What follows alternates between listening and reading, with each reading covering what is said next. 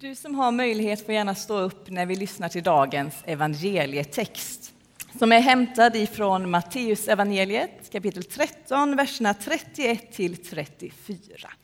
Ni hittar det i de röda biblarna på sidan 688. Han lät dem höra en annan liknelse. Himmelriket är som ett senapskorn som en man sår i sin åker. Då är det det minsta av alla frön. Men när det har växt upp är det större än alla örter och blir till ett träd så att himmelens fåglar kommer och bygger bo bland grenarna. Han använde också en annan liknelse. Himmelriket är som en surdeg som en kvinna arbetar in i tre mått mjöl. Till slut blir allt sammans syrat. Allt detta sa Jesus till folket i liknelser och han talade enbart i liknelser till dem. Så lyder det heliga evangeliet.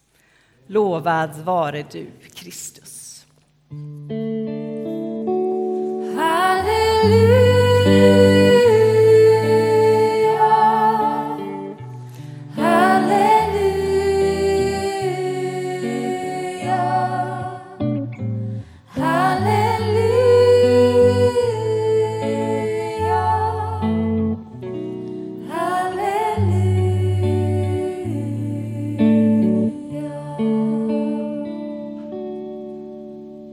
Varsågoda och sitt.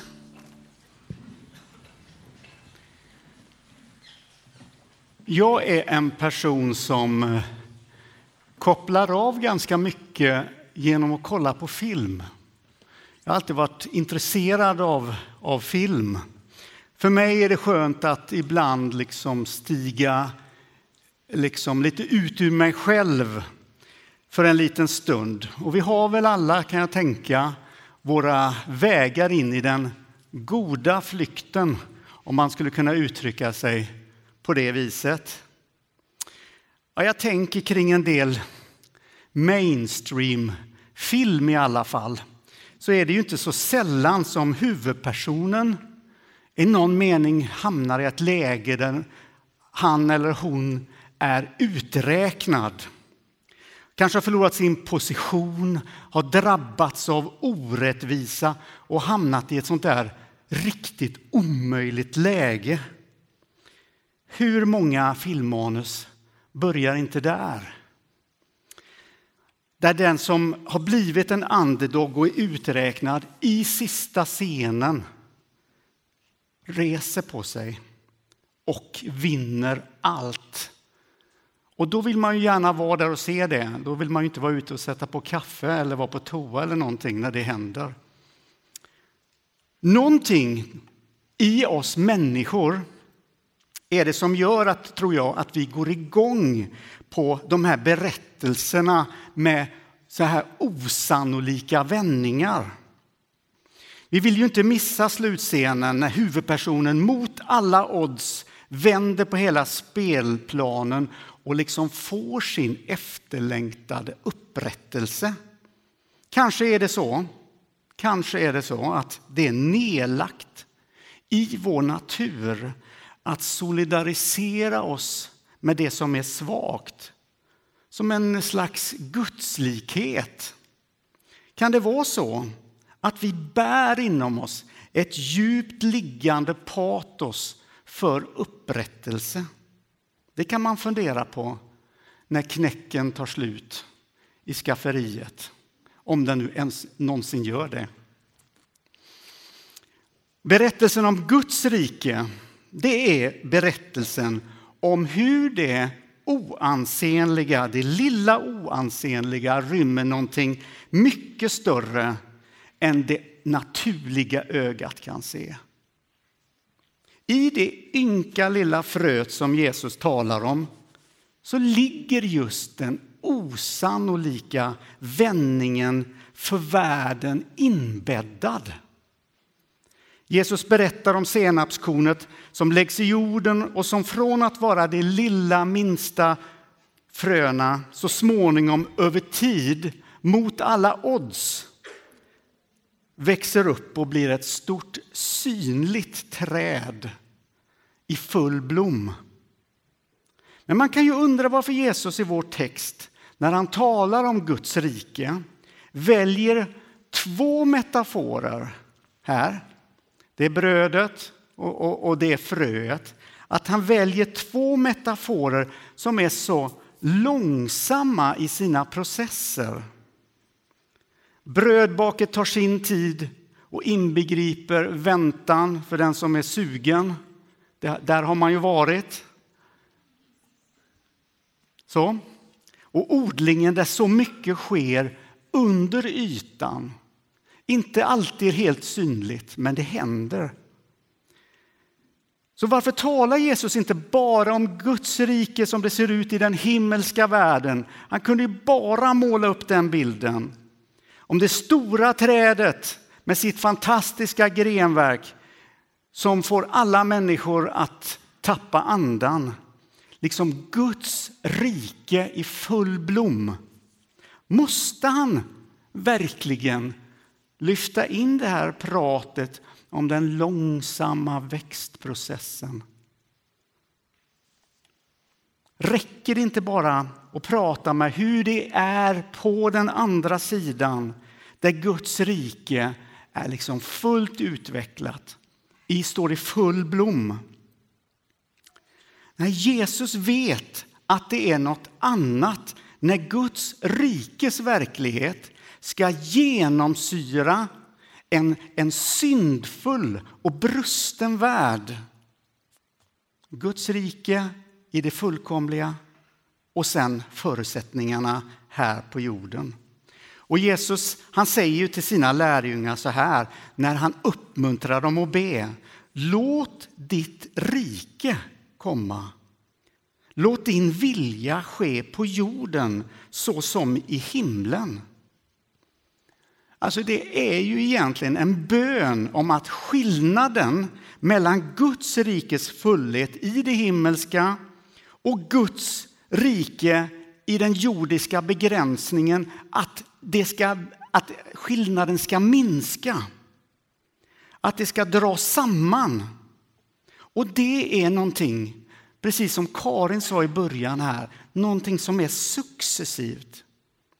Det är en osannolik vändning för världen. Så ligger det en genomtänkt pedagogik hos Jesus när han väljer metaforen om fröet som är så litet men som är på väg i en väldigt tydlig riktning. Han vill att vi ska förstå att Guds rike har en riktning, är på väg någonstans men att vi också behöver förstå att det är en process och att det tar tid. Till vår stora frustration så många gånger. Min stora frustration så många gånger. Men wrap it up God. Kanske man inte ska säga en predikan, men det gjorde jag. Lite den tanken kan man ju känna. I Hebreerbrevet 6 och 12 så uppmuntras läsarna till tålamod. Där står det så här. Tålamod är vad ni behöver för att göra Guds vilja. Och det är ju lätt att missa det som, hur Guds rike rör sig i världen. För vi är många gånger fast i ett mindset där vi tenderar att vilja söka det storslagna, det syn, väldigt tydligt synliga. Vi tittar ofta med den där snabba blicken som vi skannar över. Nej, det var ingenting där. Guds rike är, Eh, är någonting annat, kräver någonting annat. Våra ögon, alltså vår blick, behöver tränas för att kunna se det lilla fröets potential. Det här är ingen lätt övning, mina vänner, kan jag säga. Men likväl är det en, en, en riktning som är viktig att gå i. Tänk om våra spidade hjärnor skulle skruvas ner i tempo. Ner i tempo, ner i tempo, till en frekvens där Gud rör sig, där Gud talar, där vi kan uppfatta någonting annat än det storslagna och bullriga och stökiga som också är en del av livet. Måtte det inte vara så att vi är här uppe i våra perspektiv när vi tänker på Guds rike. Men så gör Gud någonting här borta. Men vi är inte riktigt uppmärksamma på det. Poeten och författaren Ylva Eggehorn har skrivit om detta i dikten Innan gryningen. Hon skriver så här. Vi trodde du var användbar. Vi skrev ditt namn på våra stridsbaner.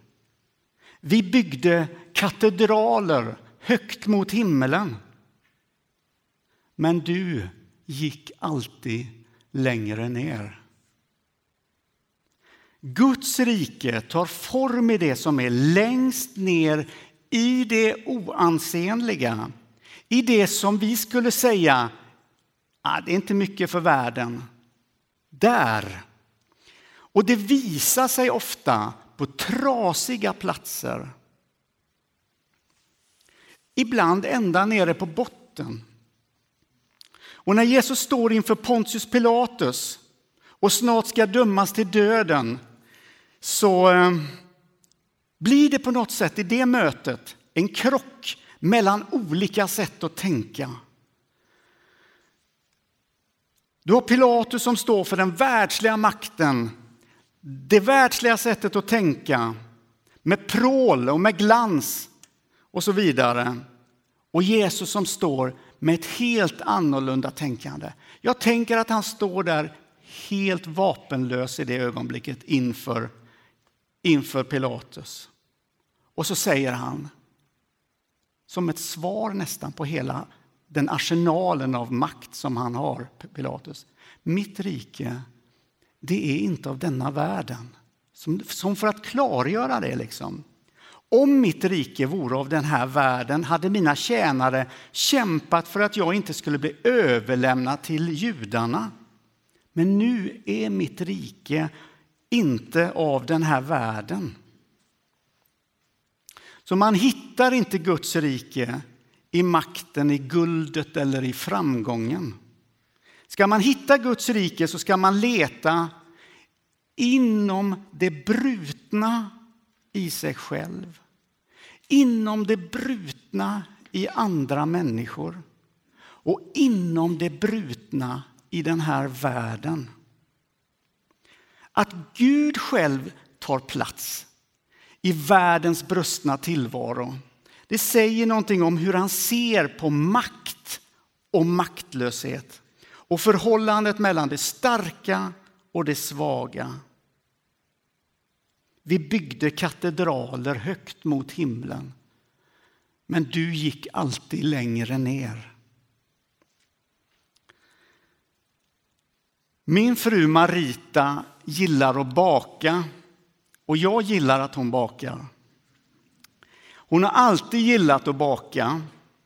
Och en gång så fick hon för sig att hon skulle, ja, det här är så knäppt. Men en gång så fick hon för sig att hon skulle baka alla recepten på Hela Sverige bakar på en mycket begränsad tid.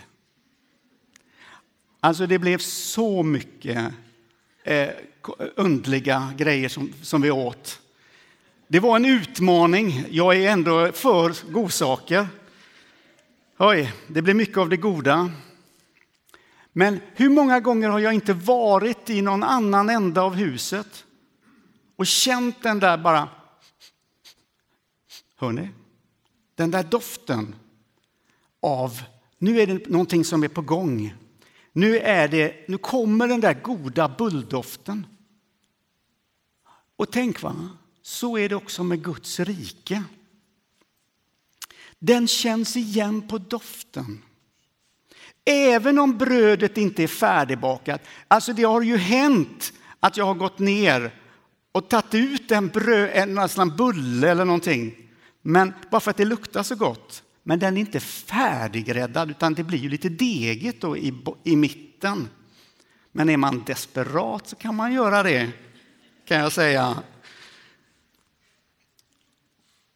Men jag tänker så här, att snart ska jag då få ta en nygräddad bulle och så tänker jag att snart ska vi få dricka kaffe vid köksbordet. Så doften påminner oss om vad som komma skall. Och var kan vi se Guds rike någonstans? Doften av Guds rike. Det kan vi uppfatta i den seende blicken. I nåden mot en annan människa som om och om kommer till korta. Vi kan se det i den barmhärtiga handen som vill göra gott. Det är där vi kan säga att det luktar av himmelriket. Titta inte uppåt. Titta neråt om du vill följa Jesus. Titta inte uppåt. Titta neråt om du vill följa Jesus. Om du vill att hans liv, hans liv i dig ska dofta som gott bröd, även om det inte är färdigt, så kommer doften om, som, en, som en förhoppning och en övertygelse om någonting som ska komma. Så gå till den ensamma om du vill upptäcka Guds rike. Ge inte upp om det ser mörkt ut. Fortsätt och ge vidare det som du har fått. Skydda ditt trotsiga hopp och ge det vidare. Det är då det doftar bröd i världen. Det är då vi kan säga att himmelriket är nära. Amen.